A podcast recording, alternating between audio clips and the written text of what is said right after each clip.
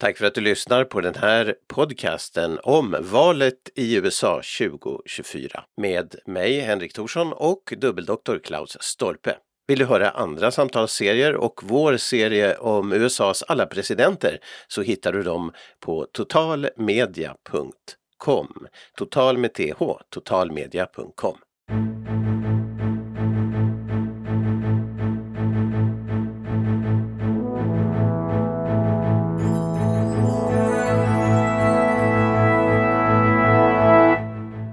Välkommen till den här podcasten om valet i USA 2024. Och med mig Henrik Thorsson finns Klaus Stolpe. Hej på dig! Hejsan! Jo, vi har ju pratat i två avsnitt lite allmänt om det som har hänt och om bakgrunden till valet i USA. Sedan vi pratade första gången eh, för två veckor sedan så har det ju varit val lokalt, eller det var snarare två val delstatsval. Och jag vet inte om det var just den här principen, för det var väl på en tisdag. Det här med valdagar på tisdagar går ju igen, som vi pratade ja, om i första avsnittet. Ja. Eh, det var ju särskilda frågor då, de här valen. Vad har de för betydelse? Det kan ju avspegla en del, en del trender, för att dels så var det då eh, val på delstatsnivå och dels så var det en omröstning i Ohio om, om hur man ska göra med abortfrågan till exempel. Så att där, där, där kan man ju kort, kort summera att eh, det gick bra för Demokraterna helt mm. enkelt mm. och Joe Biden hade anledning att vara nöjd efteråt. Mm, just det. Men, men att det är sådana val plötsligt på tisdagar mitt i allt här nu, det är liksom helt normalt? Det, det var lite när, nu och då eller var, var det lagt i november just för att det är en slags valtid? Eller vad? Ja, det är ju oftast i november de har de där, de där valen. Det, det, är ju inte alltid till exempel om någon senator dör och man snabbt ska ha något fyllnadsval så går det ju fortare. Men att det var ju intressant förstås, eller det fanns flera intressanta val som, som var på gång här. Just att, no, speciellt den där abortfrågan så kommer ju att följa med under hela valkampanjen fram till november 2024. Alltså, den kommer ju också att vara en långkörare efteråt. Nu talar jag inte bara om presidentvalet utan också i de här kongressvalen. Men eh, där hade man ju då en, en omröstning om, om i Ohio om, om hur man ska ställa sig till det och abortförespråkarna så de drog det längre strået helt enkelt. Vad det sen innebär i konkret lagstiftning återstår att se. Men sen så, så finns det också, det var två andra val som jag reagerade på och det var att man hade guvernörsval i Kentucky mm -hmm. och det är ju det är ju helt enkelt en sån här delstat där republikanerna är ganska eh, de, eller de är väldigt dominerande. Det är ju såna mer sån här lantlig delstat i norra delen av sydstaterna om vi säger så. Mm. Uh, har en unik plocka fram historienörden i mig så att det var en slavstat som blev unionen trogen mm, helt enkelt. Just det. De, de, visste väl att de, de visste väl att de skulle få stryk kanske, vad vet jag. Men alltså där så blev, blev guvernören omvald. Men det är rätt intressant för han är demokrat. Han heter Aj. Andy Bashir eh, eller hur man uttalar det, Bashir, alltså B-E-S-H-E-A-R ifall någon vill googla honom. Mm. Men det handlar om att, att han, är, han, är, han är alltså inte någon sån där ultraliberal typ. Han är, han är djupt troende och väldigt öppen med det. Och dessutom så han har alltså lätt att samarbeta med republikanerna i olika frågor. Och det är väl kanske den, den vägen som flera amerikaner i något skede tycker att de ska behöva välja att liksom kunna sträcka ut en hand över partigränsen. Så man kan ju inte bara, bara leka med tanken att hur skulle en sån där besked på sikt klara sig i ett presidentval till exempel. Mm. Att, eh, därför att han kan bevisligen så kan han nå ut till den, den andra den andra sidan. Men då finns det ju också en sån här situation att eh, man hade, i bland annat annat Virginia så hade man valt i den här så kallade delstatsförsamlingen eller delstatskongressen och där så gick det, gick det bra för demokraterna också. De tog, tog kontrollen över där och även Virginia är ju en sån här delstat där där det här republikanerna normalt sett dominerar. Mm, De har ju bland annat en, en guvernör som heter Glenn Youngkin där som är tämligen värdekonservativ och uh, en av de här som har förts på tal att skulle kunna vara, vara ett alternativ till Trump ifall republikanerna skulle skulle få för sig att byta presidentkandidat. Det, han är ju inte en av de som har varit med i, i, i den tv-debatten ska jag väl säga, men att det är alltså inte någon helt, helt okänd person. Mm, just det. Och, och, du menar att, att um, den här guvernören i Kentucky, han, han måste ju ha fått republikanska väljare för att kunna vara kvar. Så att på det viset... Så något... Ja, rimligtvis mm. i, och med att republikanerna alltid annars vinner där. Men mm. det, det, som gör det ännu intressantare är att han har ju då suttit en period redan som guvernör, men den här gången så hade han, han ganska hårt motstånd, för det är en sån här karl som heter Cameron till efternamn som är, som är räknad som en sån här coming man inom republikanska partiet. Aha, så att det, okay. det, det, var alltså ingen, det var ingen jordskredsseger utan det var väl någon sån här 52, 48 eller 51 mot 49. Så att han, mm. han, det var inte självklart att han skulle vinna på något sätt för att den, den där Cameron så är, är alltså inte, inte någon sån här som man bara plockar in för syns skull utan, mm. utan det var nog en som faktiskt hade satsat på att ta hem spelet så att, att eh, det var, hur ska man säga, mer intressant än vad nu ett guvernörsval ofta brukar vara. Mm. Men är det samma med guvernörer att de ofta blir valda två gånger och så fanns den aspekten med? Ja, no, så, så, så, så, är det ju, så är det ju för att det är ju klart att då är man ju ett, ett känt namn redan och, mm. och, så vidare och så vidare men att, eh, att eh, det, är, det är ingalunda så att de, de alltid blir det. Nej. Men det handlar ju förstås om hur man har skött sig eller hur folk upplever att man har skött sig och sen om ja, vem, vem motståndarna lyckas vaska fram som mot, motkandidat så då kan det plötsligt bli hur spännande och dramatiskt som helst och det här var, var, var ju alltså väldigt, väldigt spännande. Ja, just det.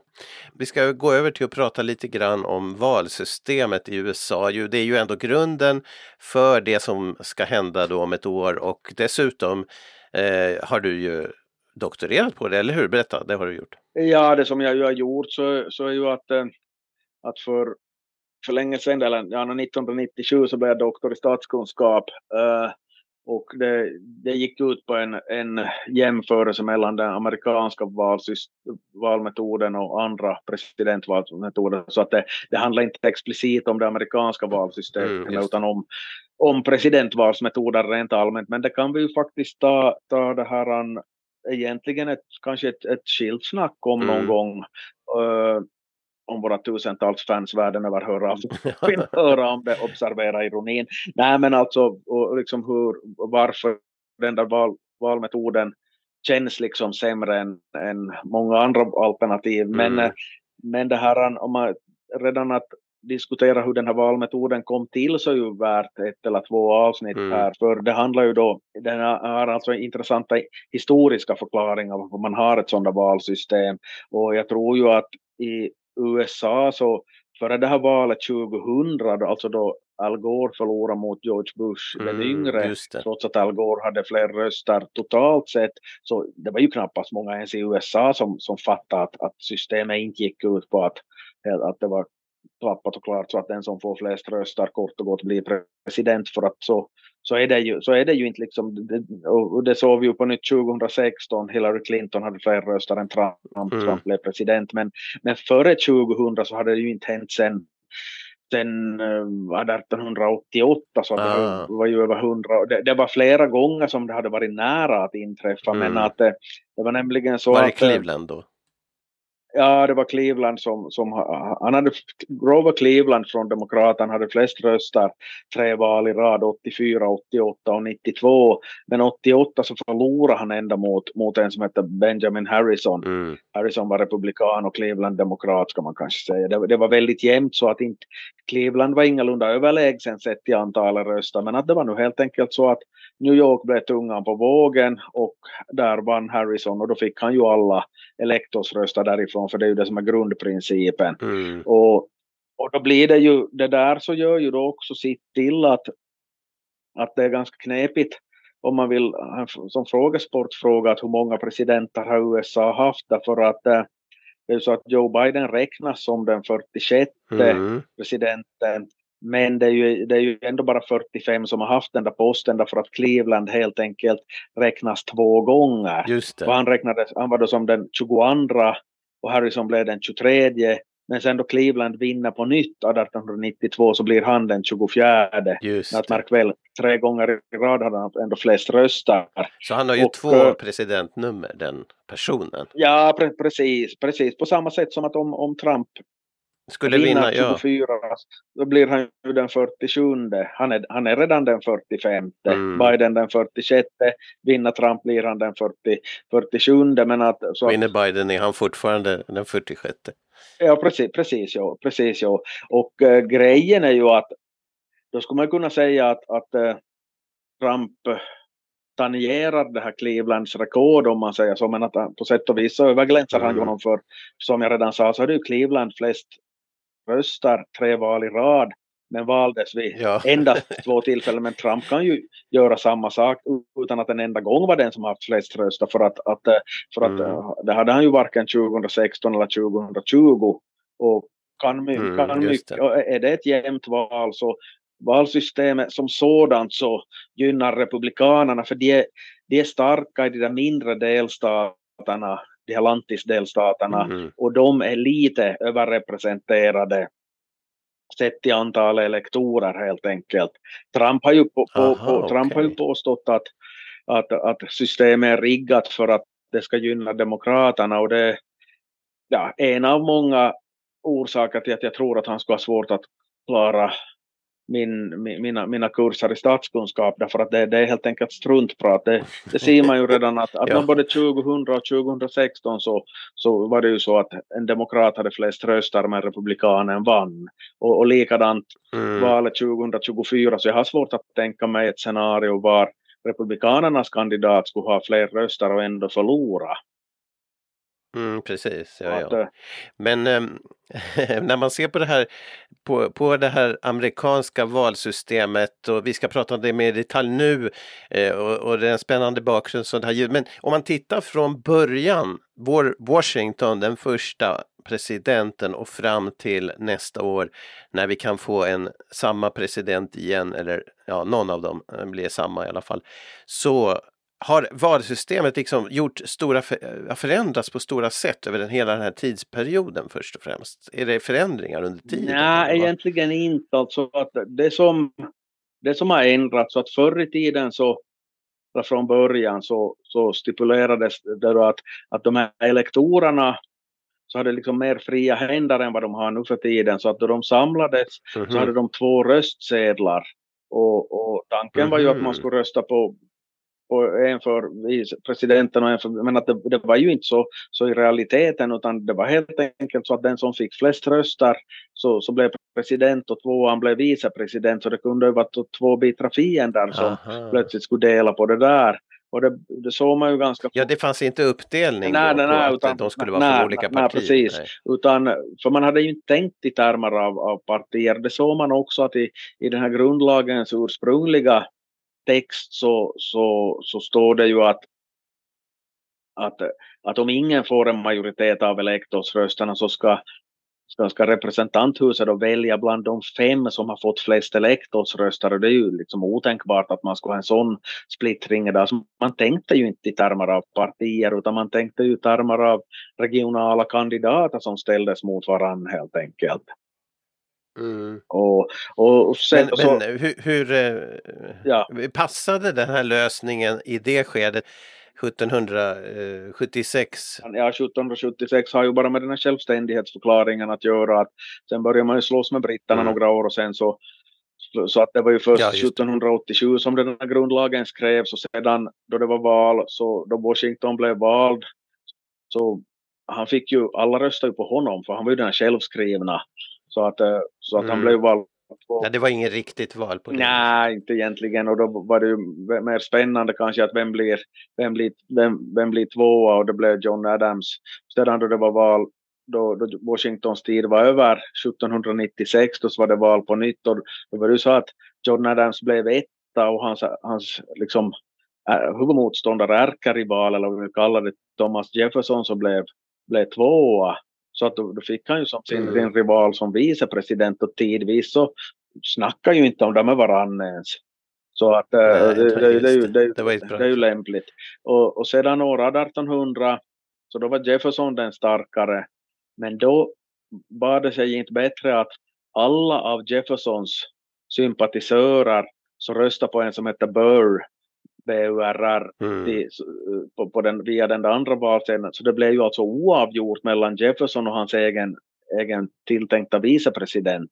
Och, och, och så att då fick man, ju, fick man ju avgöra det via representanthuset. Då var det ju en del som, som liksom av de här Adams-sympatisörer som ville bråka med Jefferson och, och, och ge presidentposten åt Burman att, att då var det nu Alexander Hamilton, då den här kända finansminister från de här tidigare åren, så, så konstaterade då att till de här federalisterna som, som det här Adams gäng kallades att okej, okay, visserligen skulle det vara roligt att bråka med Jefferson men Burr är ju galen så vi kan ju inte fan ha honom som president heller.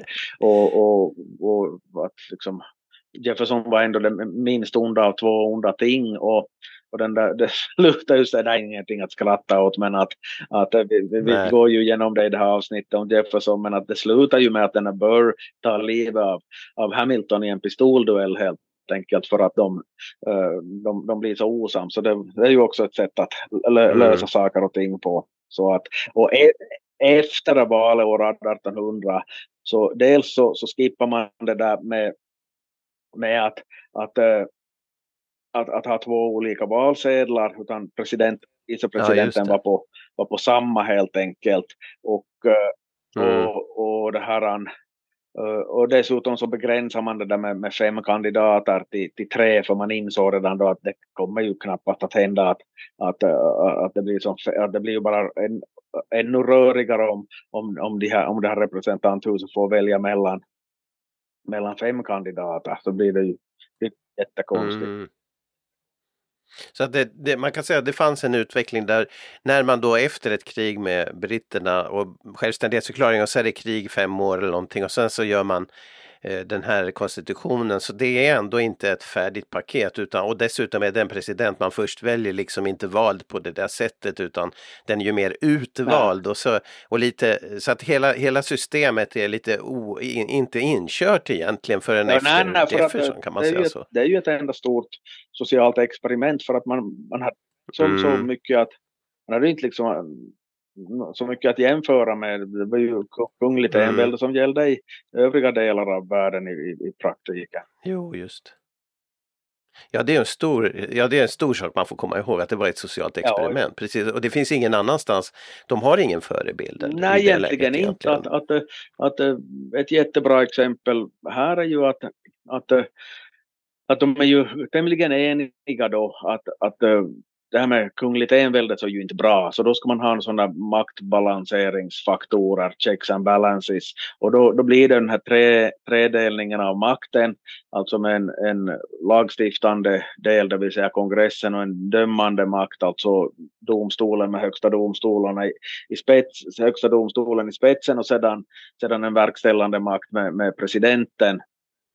Men i själva mm. verket så, så kom den idén inte nödvändigtvis bara från Montesquieu som alltså den franska filosof som vi nu associer man associerar med det där om man nu är intresserad av sådana här grejer, utan det handlar ju alltså mm. om, om ett system som, som fem indianstammar i det som idag är delstaten New York hade haft redan tidigare för att de inte skulle ryka luven på varandra. Så det är de var irokeser de där, jag är, jag är inte bra, jag är, ingen, jag är verkligen inte expert på, på, på, på, på, på, på de här indianstammarna, den här ursprungsbefolkningen, men det var fem, fem irokesstammar som hade liksom kommit överens om ett sådant system så mm. att det var mm. inte som den här ena stammens hövding som skulle få bestämma allt och, och, och det där så av någon anledning så, så Benjamin Franklin alltså som nu är kändast tillsammans med Hamilton är kändast av de här politikerna från den där tiden som aldrig var president. Benjamin Franklin var nämligen mm. väldigt gammal redan då. Uh, så, så att han jo. tillsammans med John Adams så, så kände till det där systemet. Så de, de, de ska som ha, ha, ha tagit, tagit faktiskt modell därifrån vilket man kanske inte skulle kunna, vilket man så spontant kanske inte skulle, skulle gissa sig till, nej. Mm. Men vem är det som är, vi, vi har ju pratat om det i våra avsnitt om Mr President och presidenterna.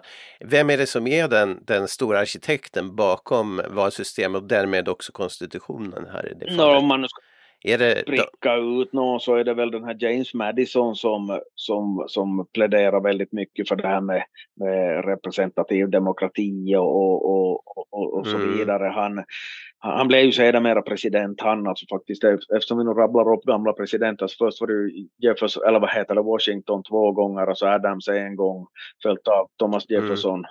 två gånger och sen är det James Madison då då vi är inne en, en liten bit in på 1800-talet och hans, hans syn på, på det här med på representativ demokrati är helt enkelt att liksom förädla allmänhetens syn på saker och ting. Att uh, refine and mm. enlarge the public view. Det låter väldigt mycket bättre på engelska märker jag. refine and enlarge the public view. Så Ja. Så att det var, det var, det var grundtanken att, att eh, vi ska som låta folk rösta men man kan anta att de röstar, man får hoppas att de, de här människorna röstar fram någon som de har respekt för och någon vettiga människor och så vidare och så blir det bra i slutändan. Och tycker man inte att det blir bra mm. så är det val på nytt några, några år senare och, och, och så får får väljarna chans att, att ändra sig om de så tycker.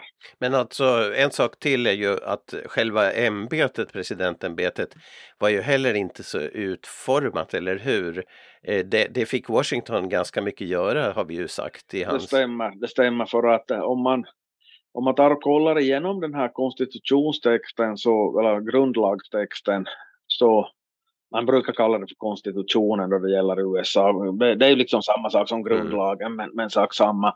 Så, så att eh, mm. kikar man igenom det där så, så det är väldigt lite om presidenten där att det kommer liksom sist för att de hade hållit på att käfta då eh, suttit sommaren det var 55 karar som satt i ett varmt tegelhus i Philadelphia sommaren 1787 och kompromissade sig fram till saker och ting och sen i något skede ville man mm. börja mm sticka hem och då hade man ju kvar där presidentämbetet att, att fundera på men att uh, den allmänna tanken var väl ändå att men, alla vet att det är Washington som blir den här första presidenten så vi, vi skriver det här lite mm. luddigt nu och så får han ombesörja utformningen av det hela. Och det ser man ju också mm, att, eh, att uh, mot, vi kan ta några exempel, att mot slutet av sin presidentkarriär så så benådade han några fångar. Det var liksom mm. ingenting, no, det var ju förstås på individnivå, det vill säga för de fångarna så var det ju jättekul att slippa ut ur fängelse men att det var ju alltså inte sådana här anmärkningsvärda kända fångar det var frågan om men att det var väl nog för att markera att, att det här ska inte bara bli en död paragraf utan presidenten ska faktiskt få benåda fångar om, om han, han så vill. Och en annan grej som, som, in, som inte stod någonting om i konstitutionen så det var ju hur länge en president ska få sitta. Men att det här är ganska talande att Washington lämnar efter, lämnar då efter den andra mandatperioden och då blev det liksom kutym att det passar inte sig att ställa mm. upp fler än, fler än, mer än två gånger helt enkelt. Så att, att inte, inte har ju mm. någon, någon varit längre än åtta år före, före det här Franklin Roosevelt ställde upp. Och då var det ju helt enkelt på grund av att USA stod, eller ja, världskriget helt enkelt. FDR som han ofta kallas så hade blivit vald 32 och 36 och under normala omständigheter mm. så ska han ju ha lämnat lämna posten. Men att då är det val 1940 USA är inte indraget i kriget ännu men att de men att världskriget har ju redan startat. Och då, då ställer han upp en tredje gång och sen ställer han också upp en fjärde gång och då, men att då avlider han ju en kort tid efteråt och Harry Truman efteråt. tar över. Mm. men sedan först så kommer det ett tillägg till, till, till konstitutionen som, som det här han påtalar då att man inte får bli, bli vald mer än, mer än två gånger. Så att så 160 år senare? Ja, ja, alltså, ja vad det nu blir. Ja, alltså det, det, ja precis, precis ja, för att den där, det hade inte varit aktuellt att, att det skulle gå på det där viset. I, i några mm. fall så hade det varit aktuellt att någon, någon skulle göra comeback, typ Ulysses Grant eller någon, någon, någon, någon sån där, men att, eh, men att då bestämde man ju sig mm. för att eh, man får och den där formuleringen är ganska speciell att man får, man får inte vara president mer än tio år. Och det låter, Nej, det låter lite det. konstigt men det handlar ju om att om en vicepresident hamnar att att tillträda så då beror det Ja, innan, innan valet, så då är frågan ja. om att hur länge, hur länge har, har den här personen hunnit vara vicepresident, att han hade varit, han varit mm. mindre, han eller, eller hon för den delen, varit mindre än, än, än två år så, så, så får man ställa upp två gånger till och har man varit mer än två år mm. president så får man bara ställa upp en gång till. Så att om vi nu säger att Joe Biden skulle dra sig tillbaka, bara för exemplets skull alltså, och Harris president mm. så får hon ändå ställa upp både 2024 och 2028 därför att då kommer det, hon kommer ändå att ha varit president i mindre än tio år. Just det, precis ja. Men, men eh, en, en historia, det finns någon tavla nu, om vi backar tillbaka just till den där självständighetstiden och den tiden, så där fanns någon tavla det, som är värd att se eh, så här avslutningsvis på vårt program. Skulle du tipsa om det där om man nu har vägarna förbi någonstans i, var var det, i Waldsworth eller nej, Winterthur? det, det är ganska kul egentligen för att eh, USA hade förklarat sig självständigt 1776, 4 juli, 4th of July. Uh, och, men att då mm. blir det, där tycker ju britterna inte någon riktigt lysande idé så att de tvingar dem att, att uh, fortsätta att vara en del av brittiska imperiet och så blir det lite gurgel och krigande och, och amerikanerna får hjälpa, det är mycket intressant med det där, får hjälpa av fransmännen och, och och en som organiserar eh, amerikansk, hjälper till att organisera amerikanska armén så en preussisk general som har fått foten var homosexuell och alltså det en massa sådana sjuka grejer. Och, och då är det så att, att, att då kastar britterna in handduken 1781 och sedan så, så, så det, mm. vi är mm. framme vid 1783 innan man slutar en, slutar en fred och då, det, då, då, då det här alltså må, målas en tavla av de här, men att den, den är bara halvfärdig. För att de här britterna, mm. brittiska delegaterna vägrar att posera.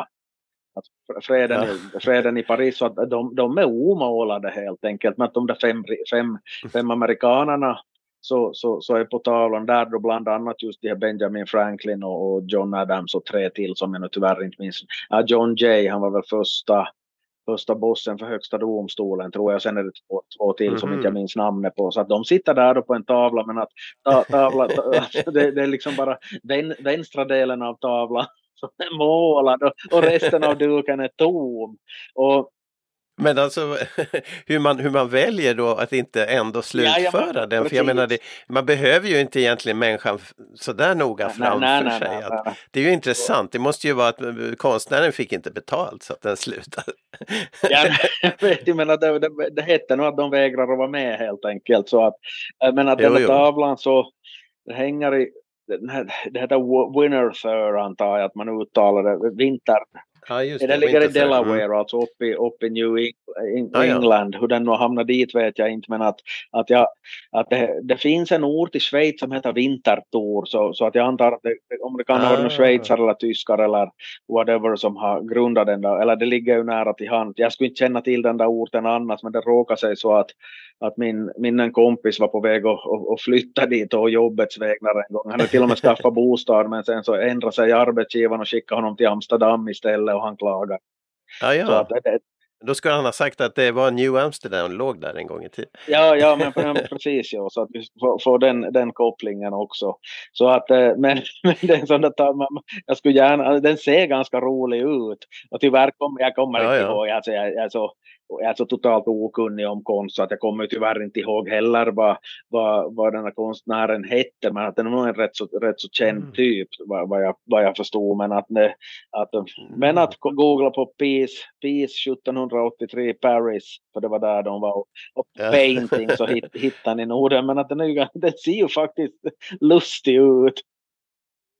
Okej, okay. vi ska lägga upp den här. Men jag skulle säga så här att det här valet nu som vi pratar om, vi har gått igenom valsystemet lite historiskt här och i nästa avsnitt ska vi prata mer om hur det fungerar och det kommer att ta några avsnitt att komma fram till det för det är ganska svårt för oss i ett helt annat system att förstå det. Men vi har ju doktor Stolpe som hjälp som har till och med eh, forskat om det här och skrivit en avhandling om, om jämförelsen av valsystem. Men i alla fall, det här valet nu fram till 2024, på sätt och vis är det som den där tavlan för vi har Biden och Trump, vi har dem där målade redan färdiga på tavlan som två kandidater men samtidigt är halva tavlan omålad tills vidare. Jag vet inte om vi skär bort den biten om ett år eller om vi skär bort den målade biten och så blir det två andra figurer som dyker ja, upp. Ja, det, är, det är en bra liknelse. Jag tänkte, ja, vi vet inte. På, men att det, är ju, det är ju ganska det, det, är ju ganska, ganska träffande jämförelse egentligen för att klart att nu finns det ju andra namn som skymtar där i bakgrunden. Nu. Mm. Men de är omålade ännu och det är lite speciellt det här valet just därför att de där två första figurerna är målade. De är så tydliga ja, ja. och de har ju beprövade presidenter mm. redan så det är ett spännande val. Men vi ska återkomma mer om valsystemet i nästa avsnitt. Och vi eh, hoppas att du har haft en intressant lyssning. Du hittar mer att lyssna på på totalmedia.com, totalmedia, totalmedia.com och tack för idag Klaus Stolpe. Ja, tack själv. Det, cool. det var kul som vanligt.